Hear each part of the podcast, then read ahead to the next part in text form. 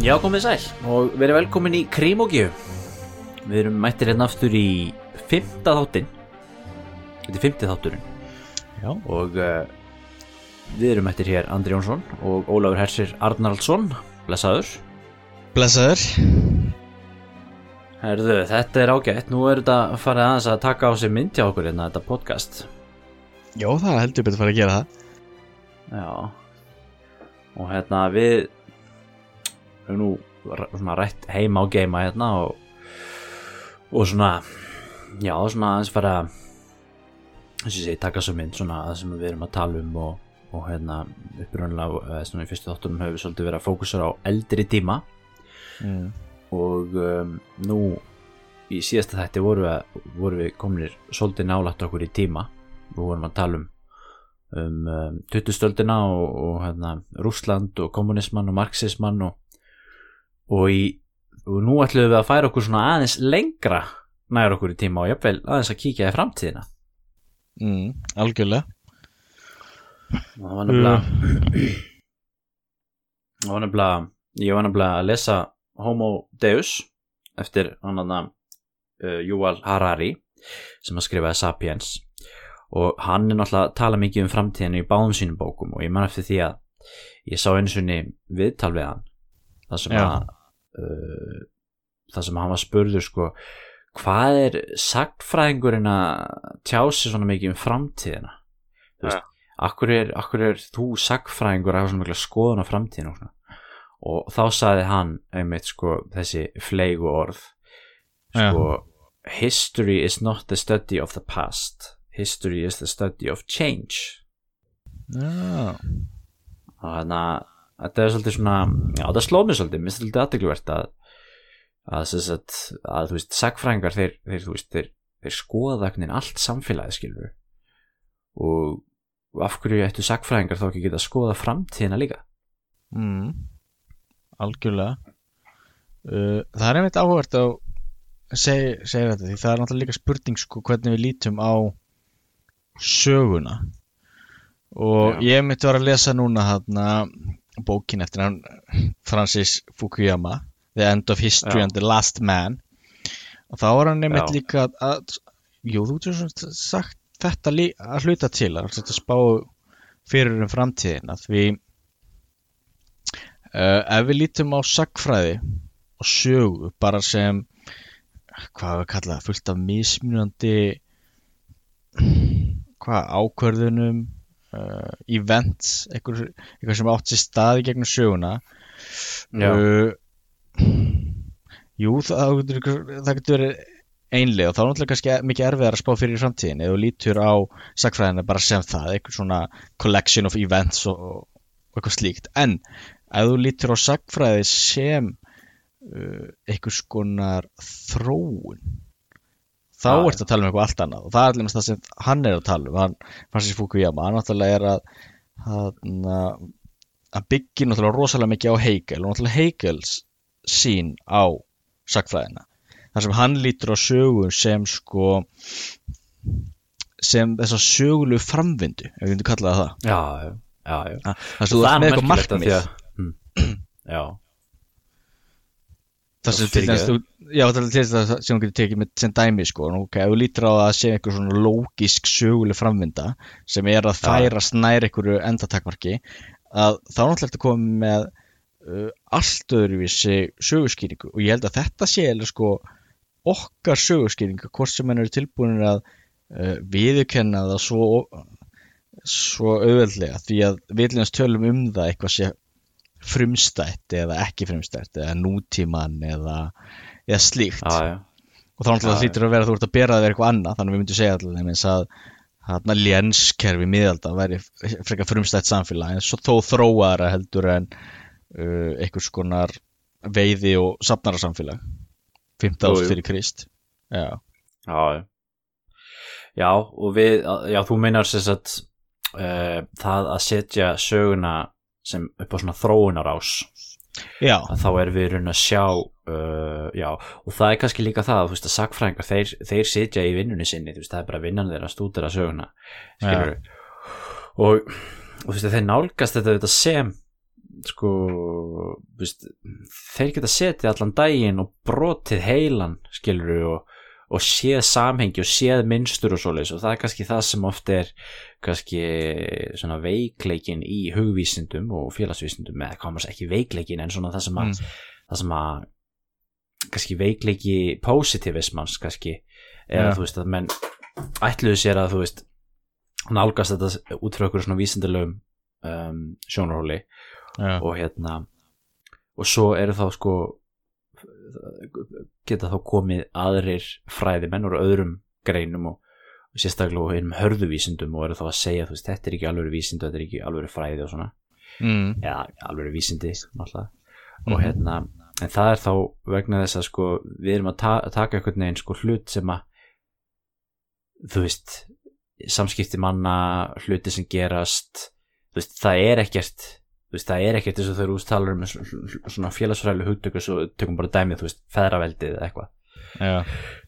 Það er enginn að hugsa sko, ég er feð, feðraveldið og þú veist, Nei, nei. þú ert kona og uh, svona er dýnamíkin á milli okkar.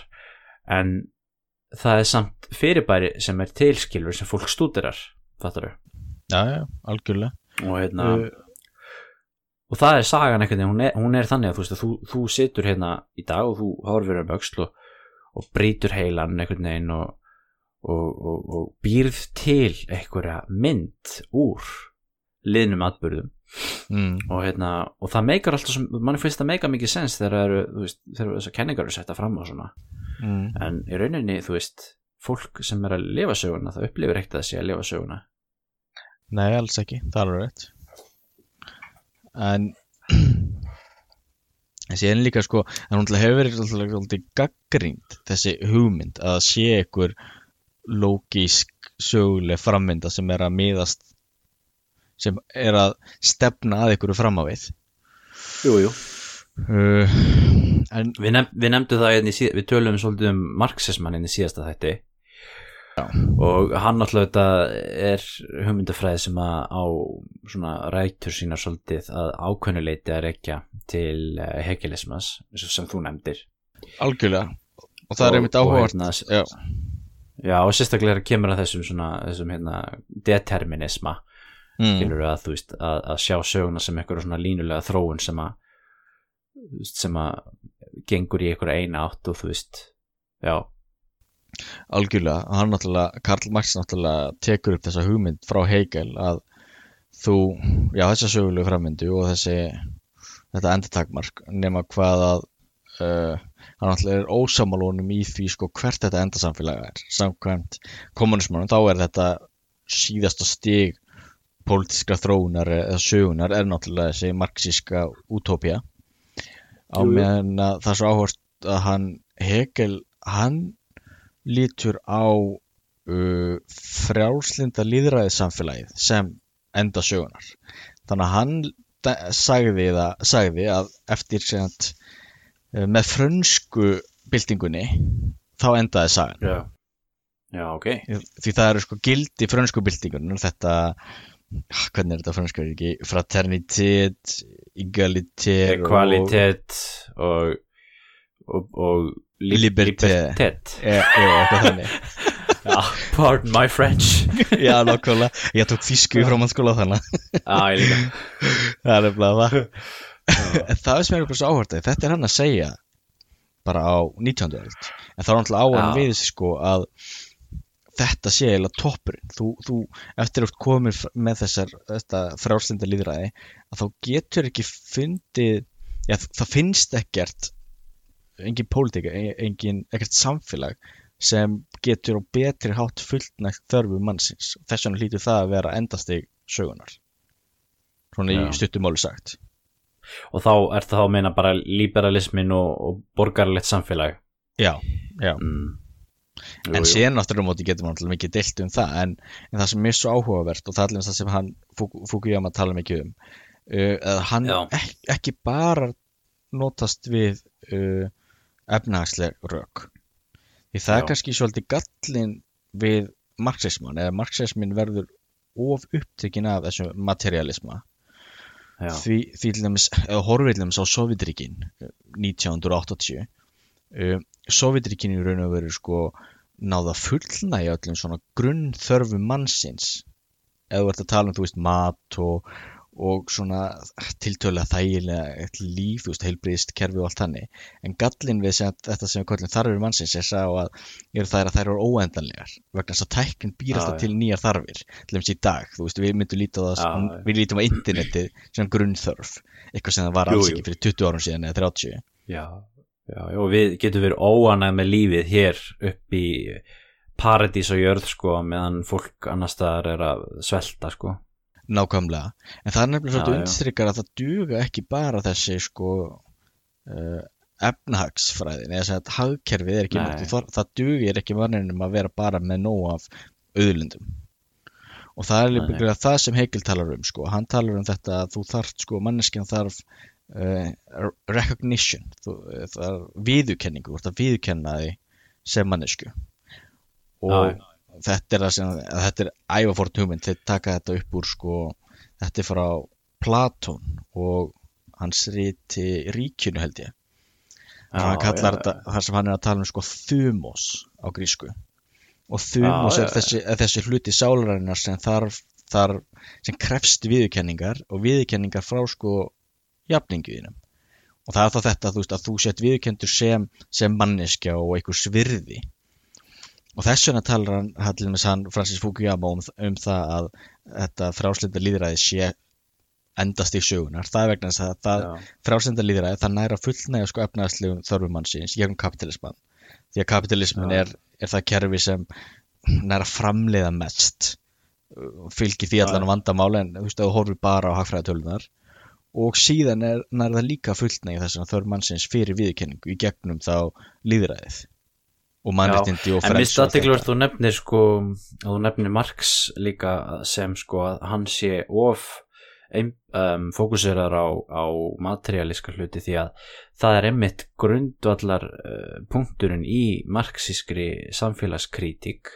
mm. er einmitt sá að bor borgarlega samfélagið að það sé að sko að það sé að framleiða efnislegæði á kostnað sko mannsandans í rauninu og, hann, og veist það er og það er svolítið sko grunnpunkturinn í þessari kritík sem er náttúrulega að koma fram með á 19. öll skilur þegar Mm. hérna eina samfélagi er í vöggusinni og þetta Já, þá er verið að segja skilur það er búið að brjóta niður öll mannleg gildi það er búið að brjóta niður veist náttúrun og fjölskylduna og, og trúna og þjóðina og þú veist og, og, og, og verkafólk er bara ekkert annað en skilur við svo svín í svínastíu skilur þau fá bara geta og, og þú veist gera jú. þarfir sínar og hérna sofa og svo einhvern veginn ekkert meira sko og það er svona það er þessi, þessi, þessi fyrring held ég sem Ja. að er hugtaki sem er notað marxiska hugt- hugtaki sem er notað um það þegar Ja. að hérna þú veist, þannig að í raunin eru þeir þá báðir að gaggrina svolítið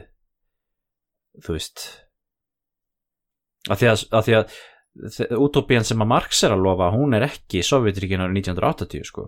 Nei, nei, alls ekki. Uh, þú veist það sem eru tómar búðir og, og hérna og KGB að þú veist hlera síman hjá þér og eitthvað skilur það er ekki það sem að Marx er að tala um skilur það er meira eitthvað svona eitthvað útópía það sem allir eru allir fá bara hérna að hérna njóta lista akkurs og nei, akkur, akkur lista og, og, og borða hérna ávist á trjánum og eitthvað Já, já, þú, þú vaknar á mótnana og þú ferða hans út að veiður í vatninu og síðan ferða hans á vinnur í nokkur klukktíma og síðan hérna, málar eitthvað eða skrifa ljóð eða þú veist eitthvað þannig, það er, það er útópían.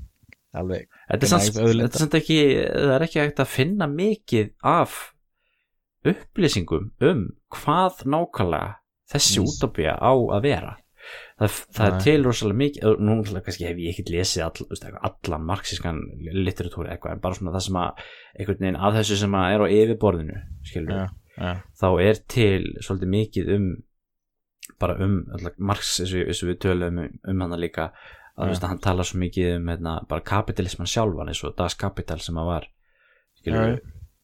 aðalverkið skilur sem að bara tala um kapitalisman sjálfan já, og þar er til mis ekkert ég held að sé bara minnst á einum staði eða eitthvað á á hérna, þú veist, utopíuna eða eitthvað skilur í, í, í því riti sko.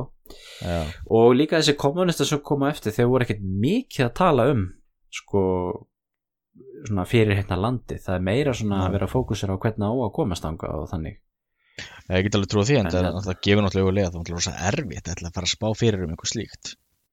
Já, já, og ég hjó eftir í mitt í kommunist ávarpinu að þar er held ég bara ég, hvort ég sagði það líka síðasta þetta Ja. veist, þetta er eitthvað síðasta síðasta setningin skilur eða síðasta svona málsgreinin hérna eða svona síðasta hálfa blaðsíðan kannski sem að er bara sem að segja frá því mun taka við eftirbyltinguna.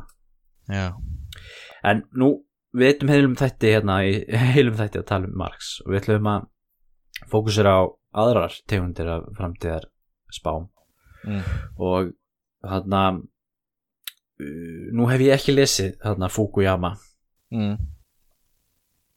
uh, en ætla auðvitað að lesa ímislegt um hann og svona Já, en þú segir það sem sagt að í stuttumáli að þá er hann að tala um það að núna sé í rauninni sagan er búin að núna munu allir núna mun sérst vestrænt líðræði í rauninni bara taka yfir Pax Americana mm. og, og hérna og það mun svona smátt og smátt breyðast yfir allan heiminn. Og það sé þá í rauninni útópían.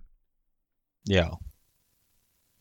Hans, já, í, stuttumálum satt en hann líka tekur náttúrulega fram að auðvitað geta átt í stað sko bakslag inn á milli.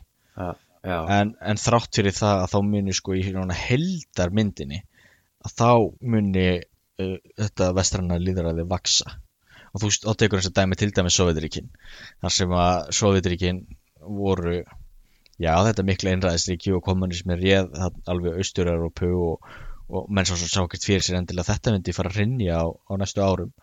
En síðan er aftur um það sem gerist og það sem opnast á og það sem tekur við er þá já hægt og rólega líðræði í mörgum af þessu ríkjum.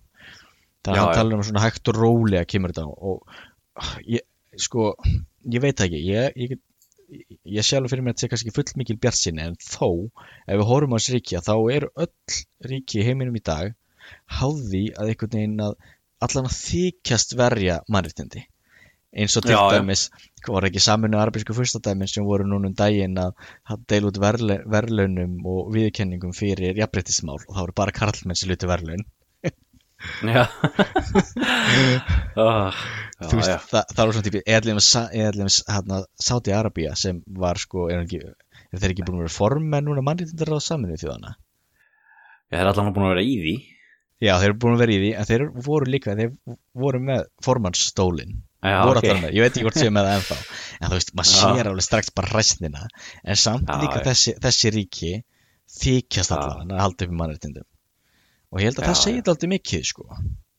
Já, já.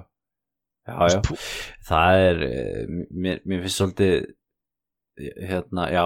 En, en getur ekki verið að svo með Kína sko, þú veist, Kína sækja svo mikið í sig veðrið og svona já, og svo einhvern veginn maður sér svolítið fyrir sér að að þú veist, kínverðar einhvern veginn þeir að þú veist að þeir mun, ef þeir munu verða svona superpower sko setna já, ef, ef svo fer eins og margir er að spá. Já. og þú veist uh, ég meina mun þá ekki bara þeirra gildiskilur og þeirra stjórn pólitíski kultúr bara þú veist, fólk munu byrja að líta upp til þess skilur mm, það sem er ekkert endilega þessi gildi sem að eru eh, afsprengi hérna fransku byltingarinnar nákvæmlega sko mm. í hávegum höfð algjörlega sko, það er alveg jú, þú, maður getur velt því fyrir sér en það sem hann talar líka um sko uh, það sem hún sér þeir eru náttúrulega líka vísindin og tæknin og ástæðan fyrir því að hann talar um það er náttúrulega að ef þú ættir að byggja upp öflugan hér til þess að geta tekið þátt í alheim, alheimspolítikinni og, og vera eitthvað svona flexa að, nikla vöðana þá náttúrulega verður að uh, byggja upp samfélag sem er jákvætt og tekur um átti vísindunum. Og það fylgir því náttúrulega óhjákvæmilega ákveði frelsi, þú verður að hafa ákveðin hugmyndafrelsi. Það er allir með sitt sem hún sérð sko er mikil ógn við mikið af þessum hefbundu samfélagum þau er mjög erfitt með að, að viðkenna þetta, þetta, þetta, þessi vísindi vesturlanda. Þannig að það er með Mhm. eitt af þessum þá kröftum sem eru að hafa áhrif og færa samfélagi nær eh, þessu frálsenda líðræði og svo er það líka þetta sem er vandamál í Kína sko, og jú, kynverðin náttúrulega hafa mjög rótgróna sögu af, af því að vera hluta af heildinni og, og, og berja svona gegn eh, hvað sé, einstaklingnum en það er þó Já. erfitt því þú ert með svo sterk öll annar staða frá ut, utanfrá sem eru að hafa áhrif. En ég persónulega held að Kína eigi ekki, eigi ekki eftir að verða framtíðar heimsöldi Nei, ég, ég er mjög skeptiskur en blút í það. Okkur heldur það? Uh, fyrst og fremst held ég að, að það sé út af því að efnarsmódelið þeirra er á ekki eftir að ganga upp til lengri tímaliti þeir Já. eiga það á eftir að brotna saman. Og, og þegar það gerist Ok. þá munið þeir missa svo mikið það vald sem þeir hafa í dag. Vegna þess að þetta er eins og við sjáum með Japan, mennum alltaf að tala um það Japan er í framtíðin. Þeirra ja, það er náttúrulega hrund ekki en þegar það er búið að vera efnarsstöðnun í Japan núna í einhver 20 ár Samir Já, það er allir það þíska módelið hefur verið að sýnast reynast mun betra en ekki það, kynverðin eru miklu fleiri þannig að þeir náttúrulega hafa miklu betri grunn sko til þess að verða einhver heimsveldi. En gallin við sko þetta kommunismann og sérstaklega þetta svona ríkiskapitalism og getur kallað þetta ríkiskapitalism í dag já, já, já. er að kynverðarnir eru að skipa ofanfrá hvað á að framleiða og hvað á að byggja. Og þú getur ekki handstýrt svona flóknu hagkerf á þennan hátt. Þú gæst gert, gert það fram til svo 1950 þá gekk það upp. En eftir að Já, hagkerfi varð ennþá flóknar eftir það og, og gengur ekki líka upp þannig að þessi Kína í dag ertu sko með fleiri, fleiri sko hundruði borga sem eru bara tómar. Veist með 300 Já, svona einmitt. borga eða meira. Og það er bara þess að þeir eru búið byggja já. svo mikið. Og þannig að það er bara þess hvenar þá uh, hús, húsnæðismarkaður myndi hrinja í Kína. Og það er allavega fjárfestingar sem þeir hafa gert sem standa bara mjög illa og svo er líka það sem er líka getur gerst. Uh, Sovjetringin, stór hluti því okkur Sovjetringin hrundu á sínum tíma var vegna þess að Mm. efnaðarskerfið þeirra það gæti ekki tekist á við uh, tölvubyltinguna og, og internetið. Eða fyrst og fremst já, já. það getur alveg eitthvað svipað gerst núna á næstu 10, 20, 30 árum. Það kemur ný tækni. Sem Já, en það sem að úrreld gerðist með Sovjetríkin var náttúrulega þeir, þeir voru með allt öðruvísi efnaðaskerfi heldur en í Kína. Þeir voru í rauninni ekki með þú veist, þeir, þeir voru að því að þeir voru svo fastir í sínum kreddum, þeir neituð að reformera kerfið sitt og Já. þú veist það, var samfélag sem að sem að eh, hérna, mótaði svo mikið einhvern veginn á staðanlýstímanum skilur og mm. og hérna og, og Stalinismin sem efnahagstefna hann veist, festið svona í sessi og svo Mm. allir pólitíkusar eftir Stalin að þeir voru veist, það snerist allt einhvern veginn um að vera veist, anti-Stalin eða pro-Stalin eða mitt í miðunni skilur og, og það er náttúrulega til mis það sem að eins og hérna uh, voru í Prag til dæmis nýstum þú veist að Mm. þeir vildu reformera uh, efnaðaskerfið frá þessum þessum grófa stalinisma skilur með fókus á þú veist stáliðnað og hef, sko, heavy industry Mm. Skilur og hérna sem er, sem er þá þessi, þetta kerfi sem virkaði í Sovjetregjónum á millistýrisárunum svona grófur reiksbúandi yðnaður til þess að hýfa upp efnags hérna hagvöxt Já. og veist, hagvöxturinn rauk upp skilur, svona, fors, svona þvinguð yðnvæðing sko Já. sem að, sem að ef við tökum Tjekkoslovíu sem dæmið, þú veist, það virkaði vel á eða ágætlega á hérna, sjötta áratögnum veist, það var mikill algjörlega. til sko að það var ekki að ganga lengur þá vildu þeir fara þetta og skiptum stefnu skilur, en það var bara nei, nei, Mm. ekki í lagi og það er það sem að gerist þá í Sovjetríkjunum að þú veist að þegar að það fara kom, kemur ný tekni og svona hérna, eh, hérna uh, upplýsingatekni og, og þetta sko mm. og þá eru þeir sko þá er það sko e- ekki endilega bara það að þeir séu með áallunabúskap heldur líka bara það að þeir sem voru að stjórna áallunabúskapnum þeir voru allir sko 80 ára gamlir skilur guðrættir stalinistar skilur Jú, það er alveg rétt. Það er alveg, Eh, mikið fyrir þér í því. og, á, með, á meðan í Kína kannski þó að það sé ríkiskapitalismi eins og þú, lýsir sko þá að þá er ekkert endilega vist sko að, að þeir sem eru við stjórnmjölin þar skilur myndu skilur hvað er að fara? Jú, ég skilur alveg, alveg gátt við því náttúrulega þú ert með eins og sjá, það var náttúrulega stór hluta vandamáli með Sovjetríkin náttúrulega þú varst með þessa gömlu kalla sem voru náttúrulega fastir í réttrúnaðinum. Það auðvitað hafði rosalega áhrif á, en hérna og Kína náttúrulega, kínverðin náttúrulega voru hafa verið mikið duglegari og flinkari í því að taka upp það sem virðist virka í vestrinu. Þannig að þess vegna í dag ertu náttúrulega líka með stór fyrirtæki í Kína eins og Huawei og Alibaba og svona sem eru náttúrulega sko enga fyrirtæki þannig séð en eru Já, já, rí, já, ríkisvarin. Þannig að þess Jú, jú. miklu meira sko dýnamík í kínverska hagkerfið. Það er alveg rétt. Já, já, já. Og þessir kapitalistar í Kína eru eru náttúrulega bara einhverju svona flokkshestar og og svona, já, já. Þú hefur kannski borðið þetta saman við hérna, svona þjóðurninsósialisman í, í Þískalandi í setjum stríði. Þar sem þú ert já, með sko, þú ert með þessa, hérna, þessa kapitalista sem er að vinna með ríkin og fyrir ríkið. Og svo veistu Já, það já, ef þú hagaðir ekki þá ertu bara skotin í hnakkan. já, já, og líka svona þú veist, þú færð náttúrulega hérna, þú veist þetta svona pilsfaldakapitalismi líka skilur, þú færð, þú færð alls konar svona meðgjöf skilur og þú veist, bara hérna eins og hefur nú verið talað um hérna líka bara íslenskan pilsfaldakapitalisma og svona hérna, skilur það sem að þú ert með hérna, kapitalista sem að fá eh, fá útlutað efnastækifærum og, og hérna og Mm. þannig eh, við tölum um hérna. Ég ætla ekki að bera íslenskan efna við þetta svo sem en, en, en svo við tölum um, um hérna Kína og Þískaland sko En það er alveg rétt hjá því, sko, vandamálið er með hérna, ríkisvaldið, eins og ég lít á það, eða ríkisvaldið almennt, er að það náttúrulega er alltaf tilneig hjá uh, þessum uh, ríku kapitalismi í samfélaginu að náttúrulega reyna að vinna með ríkinu og nota ríki sem verkfæri. Og þú sérða alveg, alveg það er alveg skýrt í sögunni að stórfyrirtæki hafa leitast við að koma á lögum og reglum og svona regluvæða yðnaði með einmitt það þá í sjón með það sjónarmið að reyna þannig að útiloka samkeppni. Og þess vegna ertu náttúrulega með svona pilsfaldakapitalisma þar sem þú ert með þessi öflugu fyrirtæki sem vinna saman já. með pólitíkusónum og þannig býrðu til svona já, samstarf ríkis og, kapitalisma. Já, já, meina og þar sérðu náttúrulega bara sérstaklega nú- sterka mjög stort og stert dæmi um það í Kína.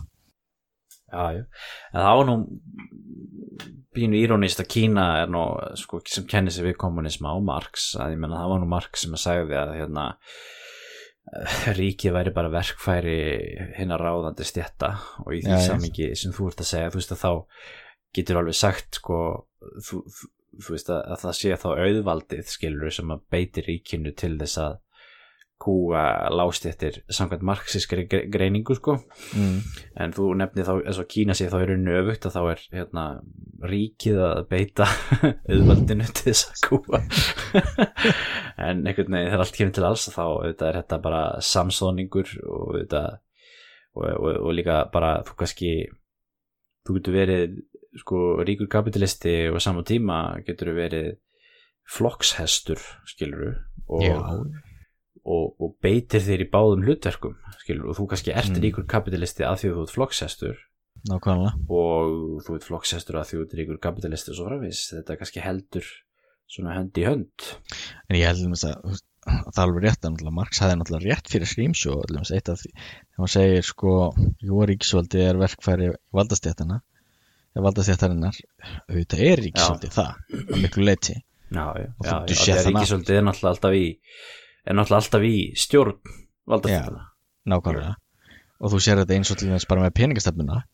Uh, já, hvað við segja, verðbólgan er ekkert annað en þjófnaður þar sem er verið að stela frá millistjættinni og lástjættinni en verðbólgan aftur á móti er í hag ríkisvaldsins og uh, auðvald, auðvaldsins. Að því leitunum til að þú prentar peninga að þeir fyrstu sem nota peningin þeir græða á því til dæmis ríkisvaldi í, ban í bandaríkjunum og ríkisvaldi er í eitthvað hernaði bröldi eða hvað það er, þeir prenta pening bankarnir fá peningin og nota hann fyrst og svo þegar peningurinn er komin út í, út í hagkerfið og loksins þeirra millistjættin og þeir sem eru undir byrja að nota peningin þá er náttúrulega peningurinn búin að rýrna.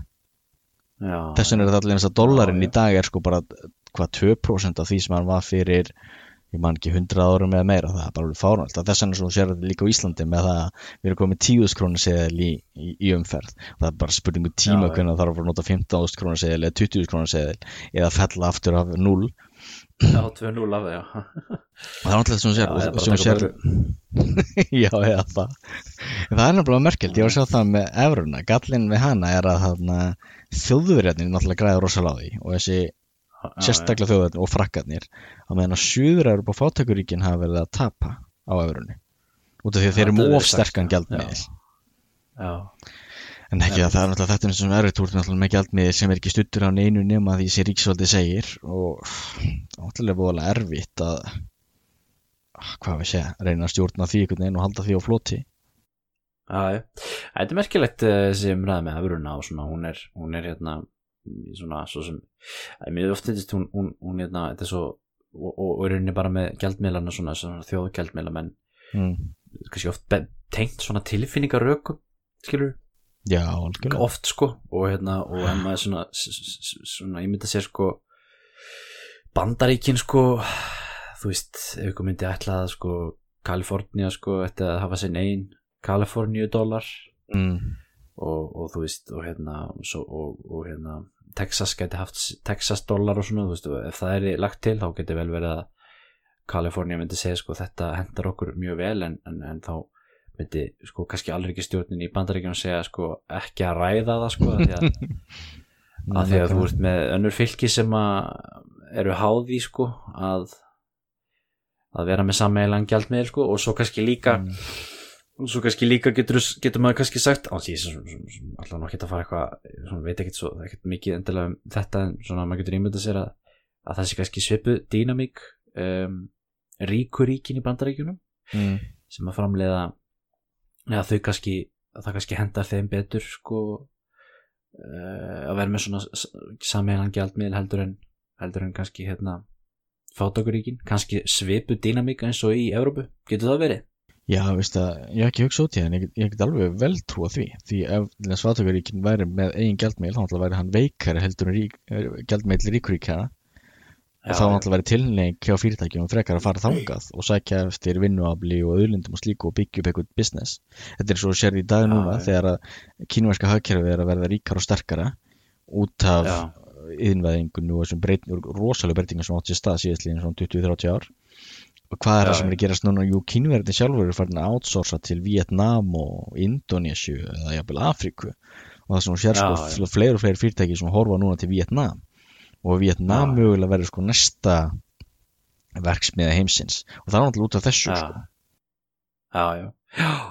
Já, já, er ekki líka rosalega mikið verið að uh, svona þessir já, ekki rosalega mikið Kambodíu og Bangladesh og, og svona þessum löndum sem er svona verið mikið að framleiða svona svona eins og fatavesmiður og svona. Nákvæmlega þetta svona, svona ein, einfaldur svona létta eðinaður, þessar vefnaðar vörur til dæmis og þarft voðalega Já. lítið til þess að geta framleitt svona og þarft voðalega, og þarft, ég held að þurfi litla sem enga mentum til þess að vinna í svona versmiðu þannig að það sé náttúrulega einfalt fyrir Nike og H&M og eitthvað svona versmiður eða svona fyrirtæki að setja upp ykkur versmiðu eða ræða við eitthvað lið í Laos eða Vietnam eða hvað það er framleiða eitthvað Já, hræðudýrt já, já.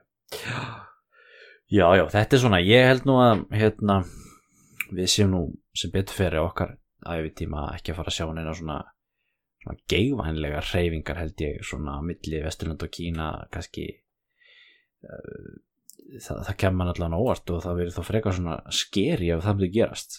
Hratt. Mm.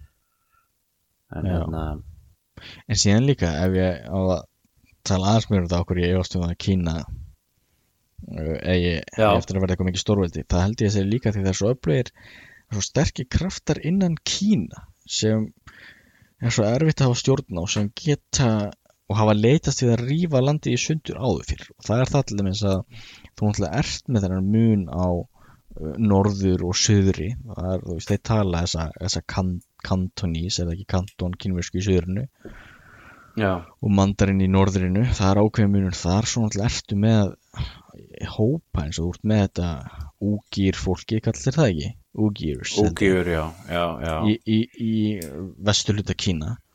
Já, Kína náttúrulega hefur já, og Kína náttúrulega hefur oft liðast í, sundur og átt Já, erfitt með Mongóla að halda sér saman.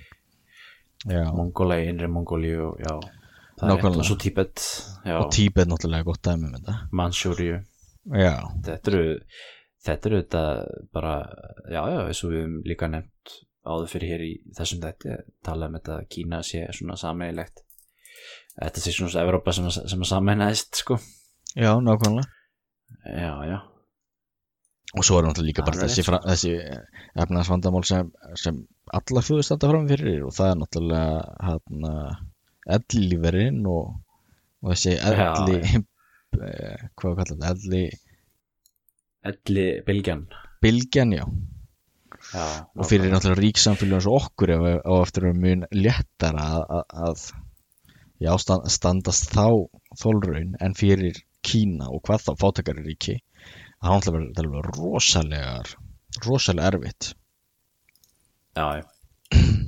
já og síðan líka mislega annað eins og bara með það minnst áhört með Kína ég held að það vanti sko 40 miljonir kvenna í Kína.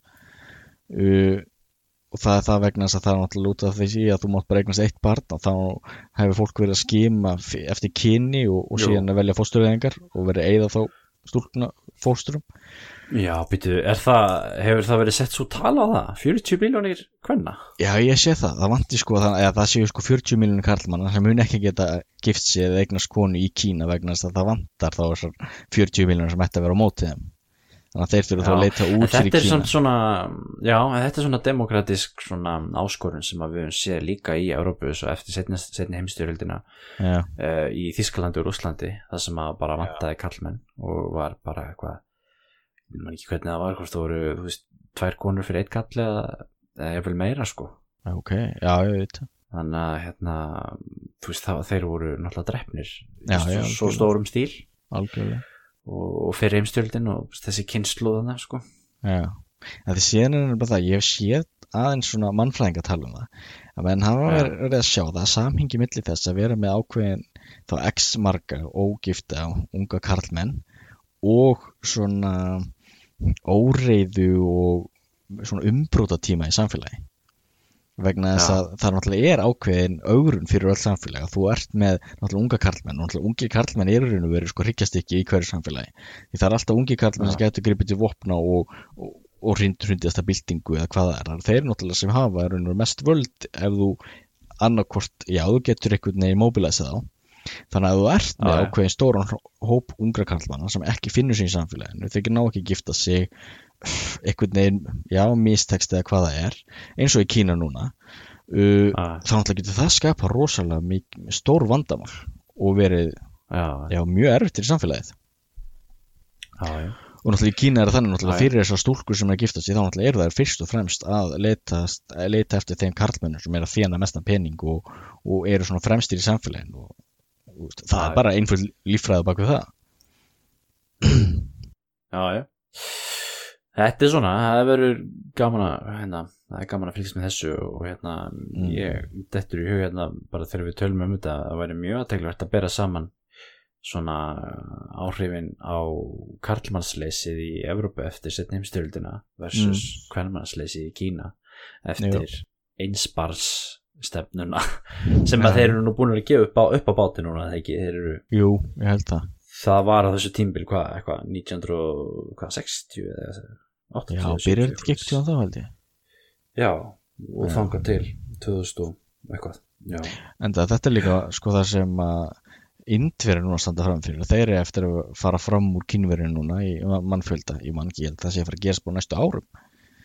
Já, já, Þannig ég held að þeir sé að fara upp í allan 1,4 miljardar eða eitthvað Það er já, já.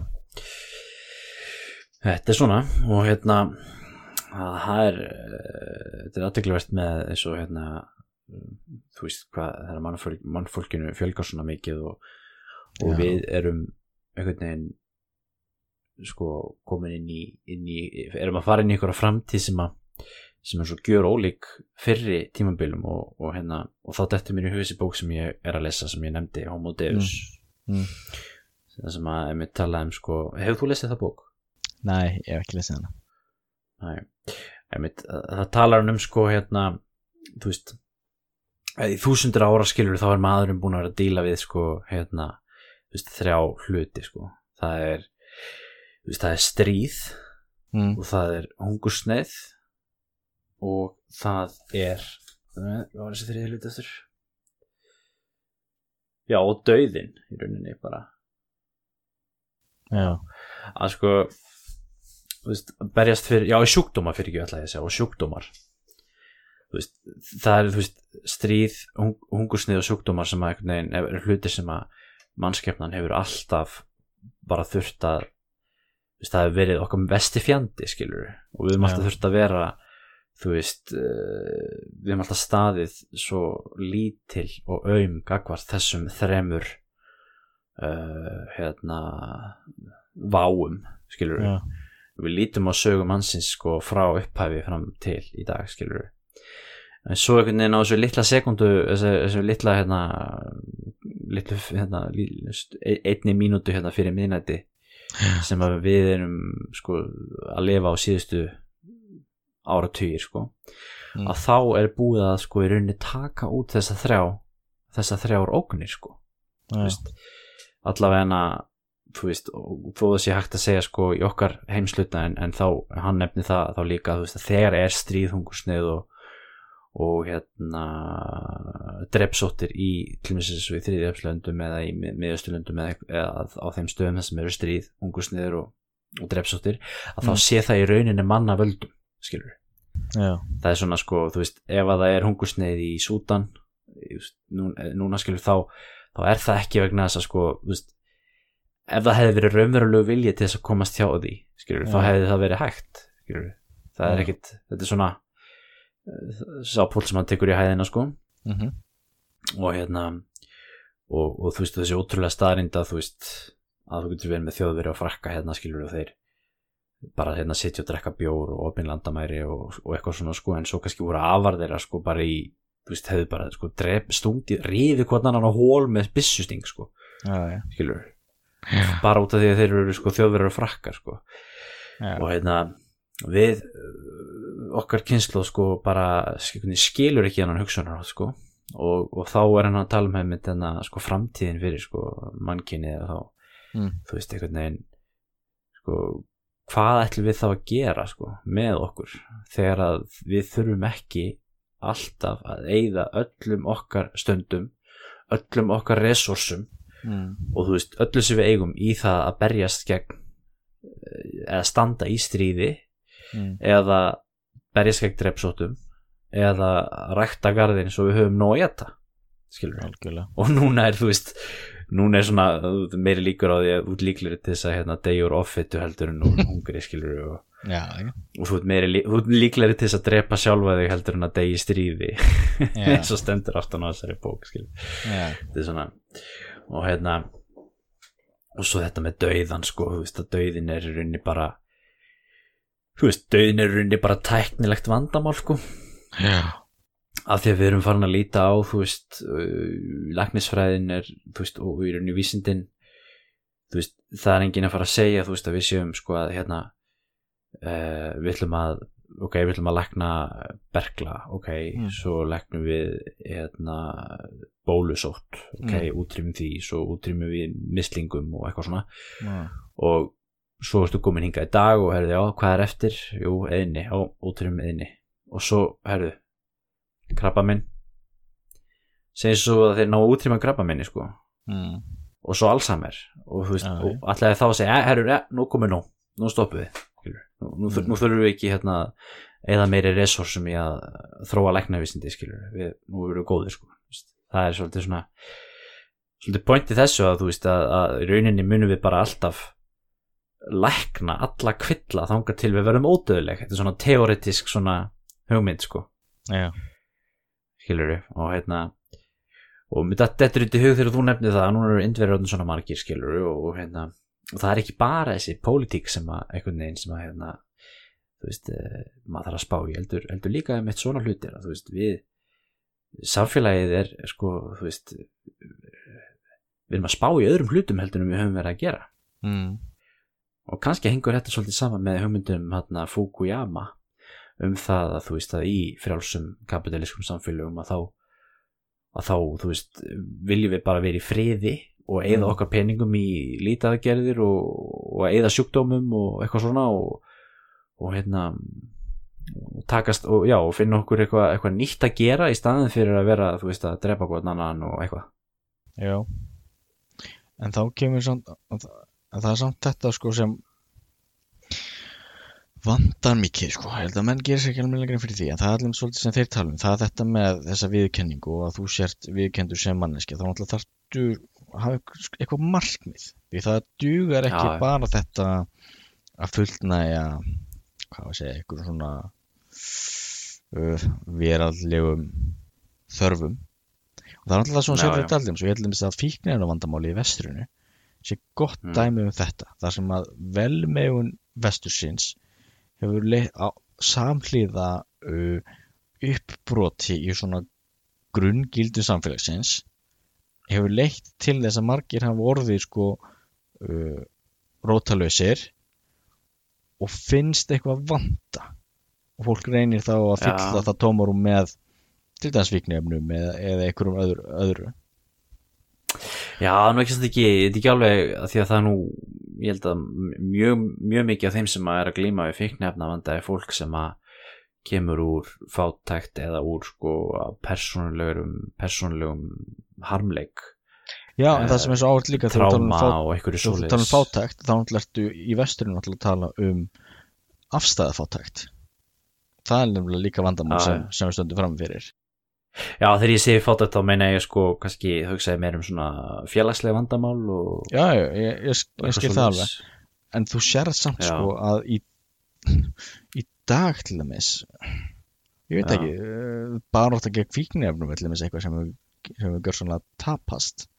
Já, en heldur það um það sé mikið um fólk sem að bara ó, mér leiðist.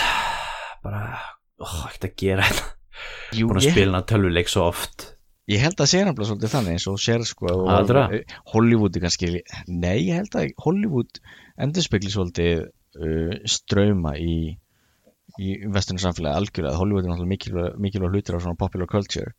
Uh, eða til dæmis á alltaf þættin og bíómyndinar sem mæra hastneislu til dæmis. Uh, ég held að það sé ekki Já. tilvunin að venn sé að gera það uh, og Já. það held ég að Já, sjá já. þetta að það, það vantar eitthvað. Og það er náttúrulega, að- svo komum aftur þá að þessu þumos sem við talum þessi já, já, að þú já. sett viðurkendur sem, sem manneski og þá náttúrulega þarf það að vera hafa eitthvað markmið. Og ég held að þetta sér með sluta því okkur sko Jordan Peterson er svona vinsæll í dag hjá sérstaklega ungum karlmenn að því að hann er svolítið að tala um þetta sko að þú þarfst að búa til þú þarft að finna eitthvað markmið í lífinu þú þarft að finna eitthvað ástæðu til þess að gera hlutina já, og ég held að já, þetta sé svolítið sem fólk er mikið að, að berjast við vegna þess að vandamáli náttúrulega sko náttúrulega það sem er svo augrandi með hana, fjölmenninguna er að þá fyrst áttar það á því að það sé eitthvað sko alternativ þú þarft ekki bara að vera kristinn. Þú, þú, þú veist það finnst eitthvað annar og þegar þú getur valið úr sko mörg hundruð eða þúsundum trúabræða eða pólitísku skoðana eða bara hvað það er í mataræði þá náttúrulega verður það svo miklu erfiðara að því þá náttúrulega er ákveðið tröst í því að það sé ekki til neitt annað Jú, jú, og það er þá getur við sagt líka ákveðið tröst í því að vera bara svona pesant bara á miðöldum, þess að þú bara Já, vaknar já. og ferð á akkurinn og, og, og bara ert þar þar til þú deyrið 40 árum setna eða eitthvað. Nákvæmlega, það er alltaf svona Nei. einföld. Ferð á akkurinn 6 dagi viku og svo á sunnudum fyrir í kirkjuna. Já, já, og, hérna, þekkir ekki nema einhverjar 200-300 manneskjur sem búið í þorpinu. Það er ákveðið svona öryggi í það er það algjörlega. Og þetta er náttúrulega það sem er svo erfitt já. náttúrulega með okkar samfélag. Þetta er þessi augrun sem við stöndum fram fyrir að með öllu þessu rosalega vali sem maður hefur og allir Já, mismöndi já. hugmyndir og, og þetta frelsi, náttúrulega frelsi er náttúrulega ekki bara svo einfalt. Frels, frelsi fylgir náttúrulega líka ábyrð já, já, og það er náttúrulega þannig að veist, já það er margt í þessu. held þó held ég að það sé rétt að það sé ákveðin tilheng til meira frelsis já, já, já, og ég er alls ekki að fara að halda upp í að sé, það sé betri tilvist að vera fátækur ítla upplýstur bóndi á miðöldum. Og, og ég vissa held að sé ekkert ég held að sé voða lítið sem er eitthvað rétt og rámt í öllu þessu. Ég held að það sé það er alls konar og, Mm. og ég held að sé rétt og rámt í mjög mörgu. Já. en veist, það er aldrei svona eitt rétt svar. Og ég held að það sé kannski líka það sem að við byrjum þennan þátt á þú veist að nefna að við erum náttúrulega sagfræðingar og svona og mm. og tala um framtíðin út frá sögulu sjónamiði að þú veist að að það er allavega það sem ég legg í það að vera sagfræðingur er að þú veist Mm. maður, maður sjá, horfa ekki á samfélagið sko út frá einni heimild, þú verður að hafa margar heimildir skilur Já, og margar, mörg sjónamið skilur og margar sjónar hérna, fyrir sjónar horn alltaf já. Og hérna og þú veist, þess vegna getur ekki bara að nota marx, marxiska kenningu til þess að horfa framtíðin og segja bara svona verður þetta mm. þá ferðu bara, það er eins og að lesa eins og að lesa hérna e, þú veist, það er eins og að lesa sögu af einhverjum atbyrði Mm. sem einhver einn maður hefur skrifað árið 1500 eða eitthvað og þú veist, þá ferðu bara það sem þessi eini maður segir þér, skilur þú veist, þetta er svolítið merkilegt og þú veist, ég held að við ætlum að lýsa framtíðina þá, þá þurfum við Marx og Fukuyama, veist, og uh, allar þessar þessar kenningasmiði og, og þú veist, Harari Mm. og, og þetta, ég minna svo þegar maður að lesa þessa bók eftir Harari og þú veist það sem hann er að segja og, og, og þegar maður sér fyrirlestra hvernig hann sér framtíðina þá þú veist það er ekkit, þetta er ekkit sammála öllu alveg svo, alveg svo þegar maður les hérna Karl Marx þá er maður ekkit sammála öllu í einu öllu skilur þetta er bara margar mismunandi þetta er bara allt ein mósækmynd framtíðin alveg svo fortíðin held ég Já, já. Það er einmitt áhvert að segja, þetta. Hefur þú, hefur þú lesið hann Foundation trilogíin eftir hann Isaac Asimov, veitir hann það ekki? Rúsneskur vísindaskáldsagna höfundur. Nei, kannast ekki það Það er nefnilega svo, svo skemmtilegt sko, því þar hann er eina aðalsögupersonum. Hann er uh, sérfræðingur í psychohistory, eins og það er kallað.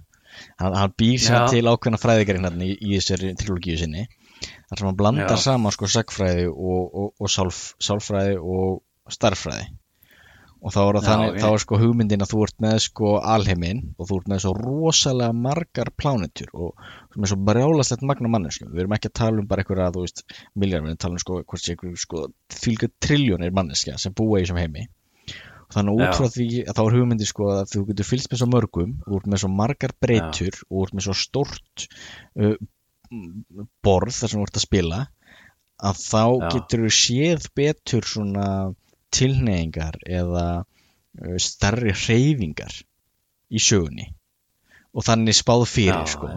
og grunnhugmyndin í Já, þessu já. að, að það er sér ákveðin persóna sem gerir sér grein fyrir því sem er að gerast og hann sér sem að það er sem að, þeir eru í hnignunum tímabili og Já. aðal markmið þessa manns er að, er að gera hnignunum tímabilið og niðurbrotið eins stutt og hann getur og byggja aftur upp þá velmiðuna samfélag ok, þú veist, auðvitað þetta er bara vísindast og allt, það, en það er samt alveg áhugaverð pæling að sko, ef þú væri með nógu mikið af manneskum og nógu langt tímabil og nógu mikið rannsóknum, hvort þú getur þá séð einhverja tilnægingu til einhvers. Og þá getur við, eru aftur komin að þessu hvort þú sjáir sko að sagan hafi virðist vera að færast í einhvern ákveðna átt. Með þá eins og, Já, eins og við getum velt fyrir okkur í dag með auknu frelsi og kapitalisma Já, og já. líðræði og mannréttindum og allt þetta. Og hvort að Já, það sé eitthvað já, já. endatakmark já, já ég það mjög hæpið að segja að það sé end, að það sé endatakmark vegna þess að veist, þetta er bara svo ótrúlega lítill lítið tímabil í sko í ævi mannskepnina sko, þú veist, þetta er svo ég meina, það, það er þú hefur alveg, alveg þú hefur líka alveg getað sagt sko verið hérna árið segjum að þú verið hérna árið 1500 sko sagt, eða 1400 og sagt sko það samfélag sem er þá mm. skilur hérna þú veist, kristið miðaldasamfélag til dæmis Mm. sko þetta var hérna fyrir 100 árum síðan mjög svipað skilur og fyrir 200 árum síðan mjög svipað að mörgu leiti Mm. allan á yfirborðinu og 300 árum síðan líka þú veist skilur hvað ég er að fara sko, Já, sagan er búin að, reyfa svo ótrúlega hratt síðust árin Mm.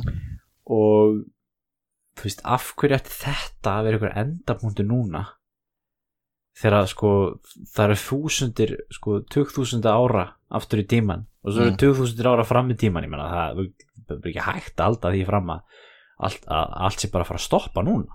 Jú, ég held ekki að halda því frá því að þú ert með þessi grunnprinsip annars vegar, þú ert að fullnæja uh, efnaðslega þörfum með þess að náttúru geð þú ert að já, bjóða upp á mat og allt þetta og það er kapitalismin sem fullnæja því best og svo þarftu að fullnæja þörf mannsins fyrir viðurkenningu og það er Já, en líðræði sem gerir það það er það er ekkit endilega vist að sko, það getur vel verið að það muni koma eitthvað setna sem að sko, við vitum ekki um núna sem mun fullnægja þessu betur eldur en kapitalismin vegna þess að við vitum það að kapitalismin er kannski, þetta er svo Churchill sem það sagði að líðræði er ekki fullkomin það er að besta sem við höfum eitthvað svona mm.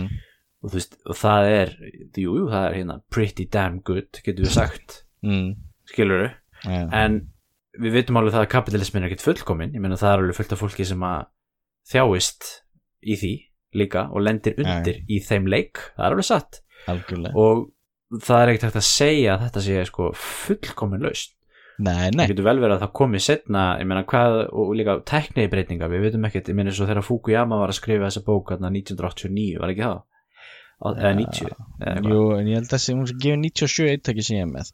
En hann skrifar heldur Já, já, ok. ritgerðina í kringum það held ég. Jú, já, ok, ekki skrifar ritgerð og svo gefur hann bók en já, Já, ég bara segi það sko að þegar hann er skrifað þá bók þá, þá gat hann ekkit endilega séð fyrir sko snjálsímabildinguna eða internetbildinguna skilur hann Nei, ekkit endilega það að séð það fyrir á þeim tíma sko. Mm. og það hefur haft mjög mikil áhrif á okkar líf þó svo að það auðvitað breyti ekki svona grundvallar samfélagsgerðinni skilur Mm. en en uh, pointið mitt er það að þú veist eftir 50 ár, 100 ár, 200 ár ég meina það, það munu koma aðrar hugmyndir og aðrar breyting aðrar, hvað segir maður uh, breytur í samfélagið sem Mm. munu sem munu bjóða upp á eitthvað annað heldur en það sem við höfum í dag og Mm. það getur vel verið að það veri verra það getur líka vel verið að það sé betra og kannski öllum líkindum þá verður það betra vegna þess að við höfum nú tilneyingu til þess að, að vilja gera samfélagið betra sko. Já, já. en það þetta er líka er eitthvað svona teknibreytingar sem, sem við vitum ekkert um sko. Nei, nei, hann talar líka um það. Hann talar um það að það er veist, hluti af uh, eðli mannsins, það er alltaf að vilja meira og, og þessar breytingar. Og náttúrulega líka þú tekur mýrið af teknibreytingunum að teknibreytingar búa til fleiri þarfir og langanir. Já, og þess vegna talar hann um að, að þetta kapitalíska kerfi sé best til þess að fullnæga því. En hann náttúrulega talar líka um það að það er náttúrulega alls engin útópja en það heldur hann sér alveg frá því. Hann talar bara um Já. þetta, já eins og, eins og sem Churchill sko, jú það er besta sem þú getur búist við þessum já, heimi já. sko.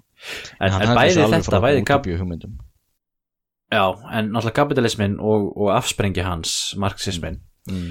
eru, eins og við segjum, mjög svona materiálskar hugmyndir og það ganga út frá því að veist að það sé þú veist uh, við viljum efla okkar, okkar efna, efnislega hag skilur Mm. þú veist Já, um, um, sko segjum svo að það sé hérna að það eru, kom, það eru hérna nú ímyndaðir hérna hóp af vinstri sinnum ungmennum sem Mm. að sitja í partí og, og hérna og, og þú veist þau, þau tala um það sko að þau vilja kannski fara í eh, segjum kommunu og hætta að borða kjöt og hætta að neyta sér um neysluvörur og svoleiðis til þess að mótmæla segjum kapitalismannum til dæmis já, það er ekkit vist að sko veist, alvöru marxisti myndi endilega segja sko eða, eða bara gamaldags sosialisti sko þeir myndi segja þetta er aftur fyrr sko Við, Mm. ég vil þetta ekki Mm. ég vil ég vil runni halda áfram að bæta svona efnislegt efnislegu gæði mín mm. bara á einhvern nátt sem er meira sangjart fyrir mig heldur en kapitalismin þannig Já, að báður þessar hugmyndir eru svona, eins og segir, svona materialiskar algjörlega. Og hérna en sko hvað ef að þú ymdaður ykkur af framtíð sko, talum við svo ymdaður bara svo, þetta er 500 ára eitthvað sko. Mm. Það sem að þú ert með sko heim það sem að fólk er sko ko- löngu löngu komið yfir eitthvað svona efnislega þrá eða ég myndaði sko samfélagi það sem að við erum bara búin að fá allar þessar efnislegu hérna, uh, þarfir okkar uppfyllt Mm. uppfylltar og við erum komin í einhvern heim þar sem við lifum bara í einhvern svona spiritualískum heimi sko, einhvern svona andlegu þú veist, þú getur til dæmis ímyndaðir svona matrix heim sko það sem Mm. allir sitja bara, þú veist, öllum, öllum er fullnægt sko efnislega, Mm. Já, og svo sitja þið bara með ykkur svona virtual reality skilur og eru bara að lifa alls konar lífi Já, ekkert að spá í ykkur svona framleiðslu og, og verðbólgu og þú veist gjaldmiðlum og hvað getur kift mikið og hvað þú veist, þú þekkt að spá í því að það er bara, komin yfir það. Skilur En og ég, ef þú ímyndaði þannig heim þá held ég að veist, þá sé ekki hægt að segja þú veist að kommunismi eða kapitalismi sé eitthvað endamark.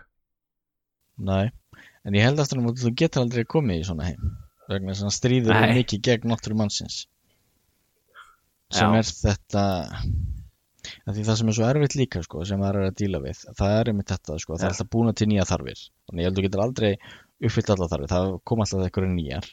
Og svo er það þetta því að mannskeppnan þróaðist sem lífvera sem býr í uh, eða myndar sem hóp og myndar svona uh, social hierarchy svona, hvað kallar það, félagslegt svona goggunurröð Já. það er hluta vandamálun að það munur alltaf einhverju leitast við að vera á toppnum eða vera fremri og einhverjir Já. sem munur þá vinna og það er leiðandi einhverjir sem tapa það er allir það sem hún sér já. sko með eins og fátækt í okkar heimi hún alltaf er, er, er sko afstæð fátækt í merkingunni að þú ert fátækur vegna þess að þú getur ekki farið tvist og til sinn til útlanda á ári eða þú getur ekki keft já, já, já. Tesla eða hvað það er og meðan að þú á eitthvað svona objektívan hérna, á eitthvað objektívan skala þá ert í raun og veru ríkur og þú berðir saman við hvað að segja söguna til dæmis, þú getur tekið Rockefeller 1910 Pff, hann hafði ekkert aðganga sömu helbriðistjónust og þeir fátækustu í Nóri í dag eða Íslandi. En Nei. við náttúrulega hugsaum ekkert út í það ekki, þú veist, þú náttúrulega berðir saman við hinna sem er í kringu það er það sem er svo erfitt. Já. og er alltaf svo spurning sko þetta er náttúrulega falleg hugsun allir séu jafnir og viljum allir séu jafnir. En, en séin er náttúrulega vandafóli að hvernig ætlar að hvernig ætlar að koma í framkvæmt Þessi, þú ert alltaf Já, með það eitthvað er sem alltaf leitast þessi vilja að vera jafnir. Nei það er máli, það er allir sem vilja það. Nei, nei, og þess vegna séu allir Nákvæmlega, eins og þetta að þú getur fengið, þú getur kiftið sko dýrasta hambúrgari í heimi sem kostar, ég veit ekki, 100 dólara eða eitthvað uh, af hverju Já. verið að búa til það? Jú, vegna þess að það er ykkur sem eru ríkir og vilja sína sig fyrir öðrum. Þannig að þeir vilja Já, brauð já. úr ykkur sérstöku ég veit ekki hverju og gull í þetta og ég veit ekki hvað og hvað þú veist, eins og bankamennir sem drekka eitthvað gull vodka og svona, þú veist, þú býrð til Já, já, eitthvað svona já. til þess að sína þeim fyrir öðrum, það er það sem er svo snúið sko. Já, já, ákveðlega sko. En ég held líka fyrir svona upplýstar og já, vitiborðnar manneskur sem þá sé það lógist að leitast við að viðukenna uh, gildi náungans og uh, náungansinn sem sjálfstæða mannesku og það er með að leitast við að auka frelsi og auka líðræði það er alltaf speint líðræði eins og sér með Sviss og svona. En aftur á Já, móti já. held ég að það sé rosalega erfitt og, það, og ég gerum alveg grein fyrir því að ég, ég er ekki að bjart sýtn og Fuku- Fukuyama til dæmis og til dæmis í Evrópu núna þess að sér þennan populism að vaksa svona rosalega. Uh, og svona þessar sprungur sem eru í evrósku samfélagi í dag ef það myndi, ef það myndi uh, eiga sér stað einhvers konar efnagshrun sem var jafnvel verra heldur en hrunni 2008 uh, þá Mm. náttúrulega þá náttúrulega getur orðið býstna mikið bakslag í ykkur svona frelsisreifingum Já, já algjörlega. En Já, síðan já, þetta spurning ok, ef þú myndir koma á ef, ef allt myndir fara vestavag ok, og það myndir rísa upp einhvers konar nýjó allræðis hérna ríkistjórnin í Evrópu. Þá er samt að það myndir spurning Já. hvort að þessi líðræðislegu og þessi mannréttindakraftar séu það stert að það myndi hægt og rólega ná að splitta því upp á endanum eftir hvað, þrjár kynnslóður kannski svo tók Sovjetiríkin að falla gæti verið, en ég veit það já, ekki. já, jú, jú, en sko þetta er bara þetta, þetta er bara so, utökus og Sovjetríkin og, og, og hérna og líðræði og beint líðræði og, og meira segja, já, líðræði og mannréttind og svona, þetta er bara þetta er bara sekundu brot í sögunni, sko. Veist, þetta er, já, já, ég meina að þú veist og, og þetta eru hugmyndir sem að þetta eru, þetta eru, þetta er ekkit þú, þú, þú skerði ekki upp mannesku og, og finnur þar e, inn á milli líffarana eitthvað Mm. sem heitir mannréttindi skilur þetta er bara Nei, það sem maður alveg er búið sér til. Og það er og svo ég víkinu aftur að honum Harari og Homo Deus og Sapiens og þessum bókum sem hann hefur skrifað þar er einmitt uh, grundvallar kenningin í hans svona sín á sögumassins að, Ja. að við búum okkur til uh, hugmyndir. Mm sko, veist, sem að dýrin ger ekki, dýrin lifa í svona tvöföldum heimi sko, það er hvernig þeim líður og svo hvað þau sjá og upplifa. Ójú, á meðan við lifum í rauninni í þreföldum heimi það er þá hvernig, við líður, hvernig okkur líður og, og, og hérna, tilfinningur okkar og svo það sem við sjáum og upplifum pluss einhverjar hugmyndir sem við búum til mm. sem er ekkert, sem er ekkert til í alvörunni en, en, en allir allir þekkja og það er þá þessi félagslegu struktúrar eins og Guð á heimnum og kapitalismi og kommunismi og peningar og, og hérna mannréttind og svona sko. Já. og ástæði fyrir nefndi þetta var uh, já, bensir ekki áherslu á þetta væri runni þetta væri runni bara hugmyndir sko. Þetta er að þú veist, það getur þessna komið hérna kjarnungustrið og, og eftir hérna og eftir það sko þá minni rís upp eitthvað fólk sem að veit ekkert hvað mannréttindi eru og muni þurfa að finna það upp upp á nýtt sko Jú, jú, hann, hann náttúrulega gaggrinir þetta náttúrulega einmitt sem eitthvað svona félagslega smíði, það er alveg rétt og, og heldur svolítið á lofti svona félagslegum darwinisma. En já, já, þú sér það þó en það er þó uh, heldur hann því ekki fram til hlýta því hann náttúrulega er líka upptekinn að þó að að verja ykkur svona ja, mannréttindi og jafnrétti og svona þessi gildi sem stöndu fyrir í dag. En ég held að sé Já. svolítið erfitt að ímynda sér að eitthvað fólk eins og til dæmis Ísland í dag geti viðukent samfélag og pólitík þar sem þeim myndu gefa upp uh, grundvallar réttindi til dæmis já að velja sér einhvern einræðisherra eða Já. En við þurftum þá að vera, það þurfti þá að vera þannig að það, við fengjum þá bara eitthvað annað í staðinn sem við myndum þá halda að því að ég meina það er alveg rétt, ég held að sé grundvallar í eðli mannsins eins og í öllum lífverum að mm, við vinnum ekki gegn okkar einn hag. Mm, það hljótu, allir að geta verið samanlum algjörlega. Ég meina engin, engin heilbrið lífvera vinnur gegn sínum einn hag. Nei, nei, og, og ég meina ef að þú ef að þú um, ef að það koma fram hugmyndir til dæmis vegna já bara eitthvað hugmyndir sem að telja þér trúum mm, að þinn, þínum hægi sé betur borgið með því að hafna liðræði og frelsi og fá eitthvað annað í staðin eitthvað sem að ég get kannski ekki sett orð á núna Mm. hér í dag. Já, alveg svo ég myndi að við værum hérna árið eh, eins og ég sagði, árið 1400 eða eitthvað og þú Mm. veist og ég myndi segja við hérna við, við pesandan, skilur hérna má ekki bjóða þig líðræði og mannréttindi og svona, og hann myndi kannski ekki vita hvað það er. Mm, og hann myndi segja, menna sko, það er búið að selja mér hérna guðstrúna já, og það að ég það að ég að fylgja hérna öllum bóðurðum trúnar og trúarinnar og, og, og hérna og þá fer ég til himna og þú veist fólk hugsa öðruvísi, skilur mm, og þess vegna finnst fólki í dag kannski minna upplýstu fólki finnst oft svo létt að gaggrina miðaldir sko af því að, já, að því að það heldur að þú veist kirkjan og kristnin eins og það upplifir kirkjan og kristnin í dag hafi gilt um það samfélag á þeim tíma. Mm, en það er líka bara vegna þess að fólk hugsaði bara öðruvísi á þeim tíma skilur fólk, fólk, fólk var ekkert að hugsa eins og við gerum í dag skilur og það er vegna þess að núna eru við búin að finna upp eitthvað kerfi sem að heitir frelsi og mannréttind og svona sem okkur mm, sem, að, sem við erum búin að selja okkur að það sé betra fyrir okkar hag heldur en að lifa í kristnum samfélagi. Mm, það sem að er fókus á eftirlífið.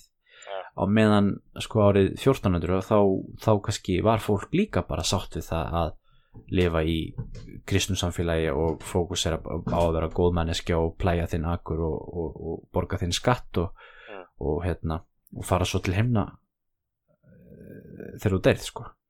Mm, þetta er, og svo á, í, á tímum Egipta þá varstu að byggja píramíta fyrir faróinn og eitthvað sko.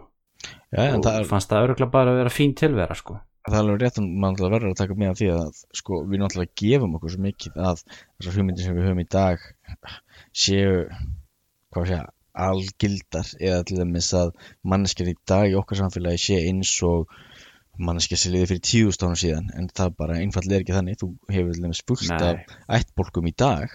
Eða ekki fullt af en þú hefur alltaf ættbólkum í dag þar sem að hafa ekki mm. konsept, hafa ekki hugmyndir eins og dagur og vika, ár uh, segja bless, kveðja, heilsa kunni ekki að telja til já, þú er alveg eitt Já, í dag sem kunni ekki að telja, þeir hafa bara eitt um stykki svona og par. Já þú ert að tala um í, í Amazon og eitthvað svona. Já, þannig, þannig, það náttúrulega, þannig að þú sér Já, alveg fyrir að ef við værum núna árið 1300 eða hvað þá verum að tala eitthvað um líðræði og mannréttindi og svona eða fara að tala um kapitalisma og, eitthvað svona hugmyndir það er náttúrulega fólk hefði ekki bara sko grunninn til að skilja þessar hugmyndir margir hverjar. Nei, en, en ég myndi þó segja að í þessari sögulegu framvindu og þá getur þú dæmt það sem svo að sumt sé þróar en aðra annað.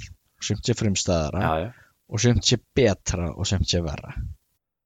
Já, já, og það getur líka vel verið að, og ég, það er líka alveg rétt að ég meina, auðvitað er líðræði þróaðari hugmynd heldur en heldur en hérna absolutismi, hérna einveldi og enda afleðing þess og svo einveldi er þróaðari hugmynd heldur en lénskerfi og lénskerfi er þróaðari heldur en træbalismi og svo, og svo framvegis, þetta er þetta eru stærri og flóknari og þróaðari kerfi. Mm. og jú, jú, öruglega betri. Það fyrir alltaf algjörlega eftir í sko, hver það er sem er að segja og, og út frá hvaða forsendum þú, þú, þú setur þann merki með það. Ja. og þú getur alveg öruglega fætt rauk fyrir því að þetta sé hérna, og ég er alveg sammálega í því að það er líka mín skoðun að ég menna þetta er fyrir okkar samfélagi í dag er þetta miklu betra að frels og líðra heldur en einveldi eða eitthvað sko. Ja.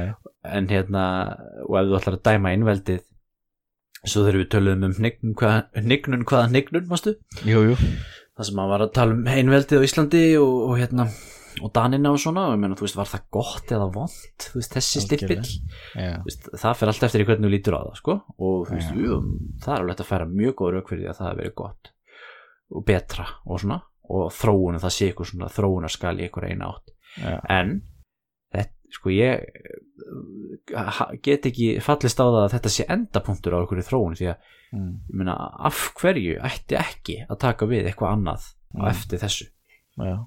ef við erum búin að segja ef við segjum veist, hérna, veiðimun og safnarar Mm. landbúnaðsamfélag borgarsamfélag konungsveldi, Mm. keisaraveldi uh, træbalismi Mm. uh, lénskerfi einveldi, líðræði og svo bara stopp.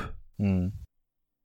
meikar ekki alveg sens Nei, ég skil ég sé þá gagnrýni vegna þess að það er svo erfitt að ætla að spá fyrir um eitthvað. Þú, þú, þú getur það ekki, en það er klassíst þetta að sjá til dæmis hvernig eh, hvað veru menna ímyndið sér fyrir hundra árum síðan að framtíðin myndi lítið út í dag. Eitthvað svona já. bílar og eitthvað steampunk. Nákvæmlega þannig að það er alveg auðvitað mjög góð gaggrinni og ég veit ekki, það getur alveg verið að það sé til eitthvað betra kannski. Til Já. dæmis mér dettur í hug það er áhugavert uh, ef við horfum á mannréttindi og dýravelferð. Það er svolítið áhugavert fyrirbreyði mm.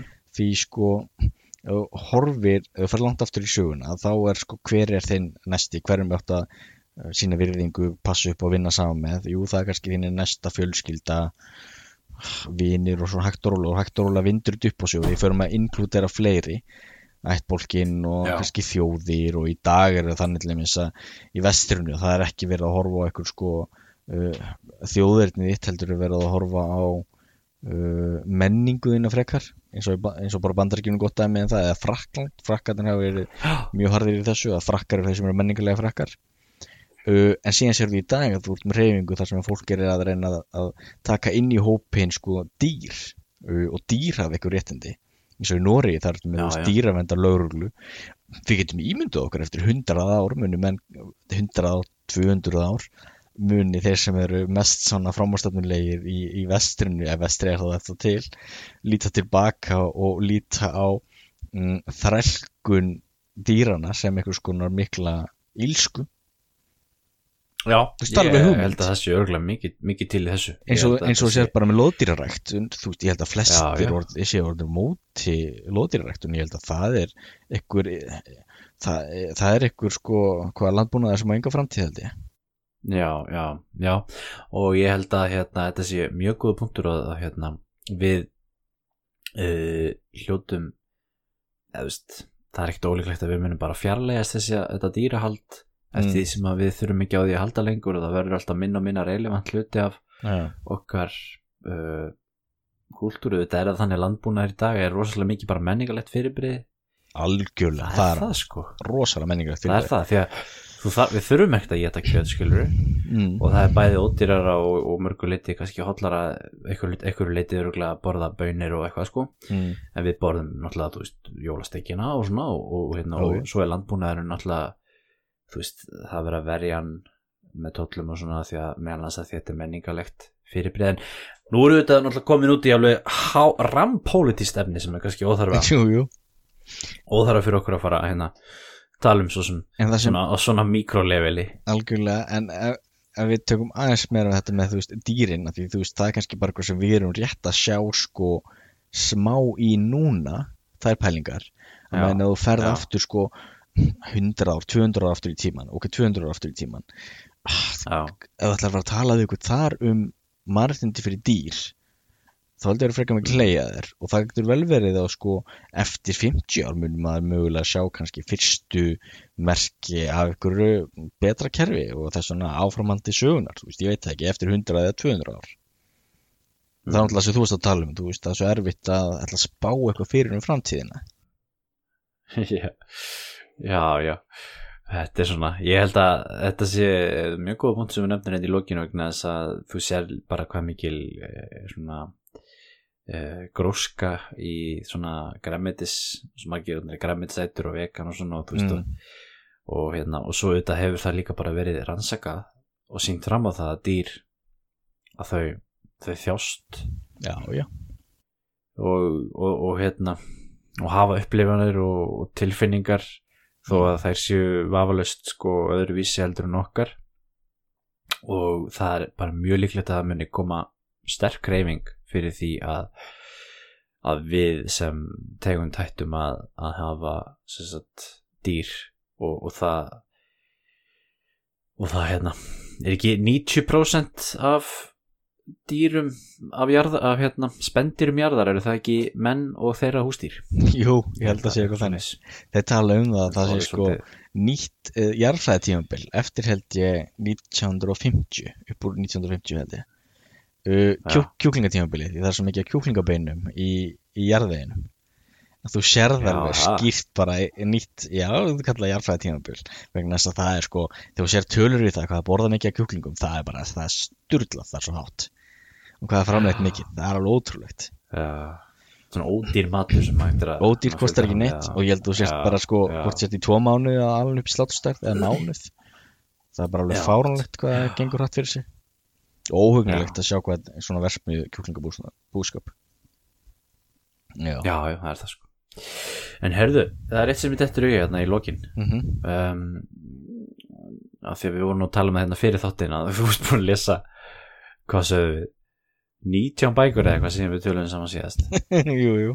Og hérna og hérna og ég sá, já og þú nefndir við nefndum hérna við nefndum hann Huntington Clash of Civilizations. Nákvæmlega, við erum, eiginlega ekkert búin að fara í það því það er auðvitað nátengt þessu efni sem við vorum að tala um. Það er nefnilega nátengt. Það er nefnilega svona önnur sín á söguna og hvað minni gerast. Þess vegna verið mjög áhugavert að já, einmitt ræða það aldrei já, já, við vorum að ræða það núna eða var ræða það næst? Já, við getum, já, ég held við þurfum alveg heilan þátt í það. Já, herru þá ræðum við það hérna tökum við hérna næsta þátt og höldum okkur þá kannski bara að þessum svona framtíðanótum eða, eða hvað við segja svona nútíma samtíðar, þetta er náttúrulega samsóðningur á þessu öllu hjá okkur hérna. Já, já, já, Já, og hérna og hérna kannski bara fara að kalla þetta dag. Já, við getum farið að gera það Hvað er þetta ekki? Já, já.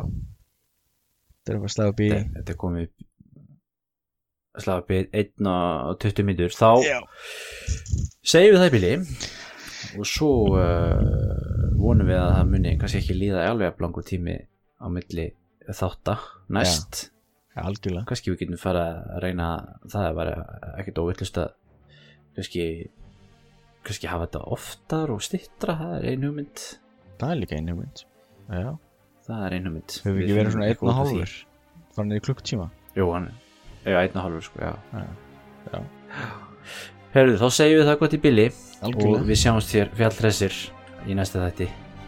Verið þið sæl. Verið þið sæl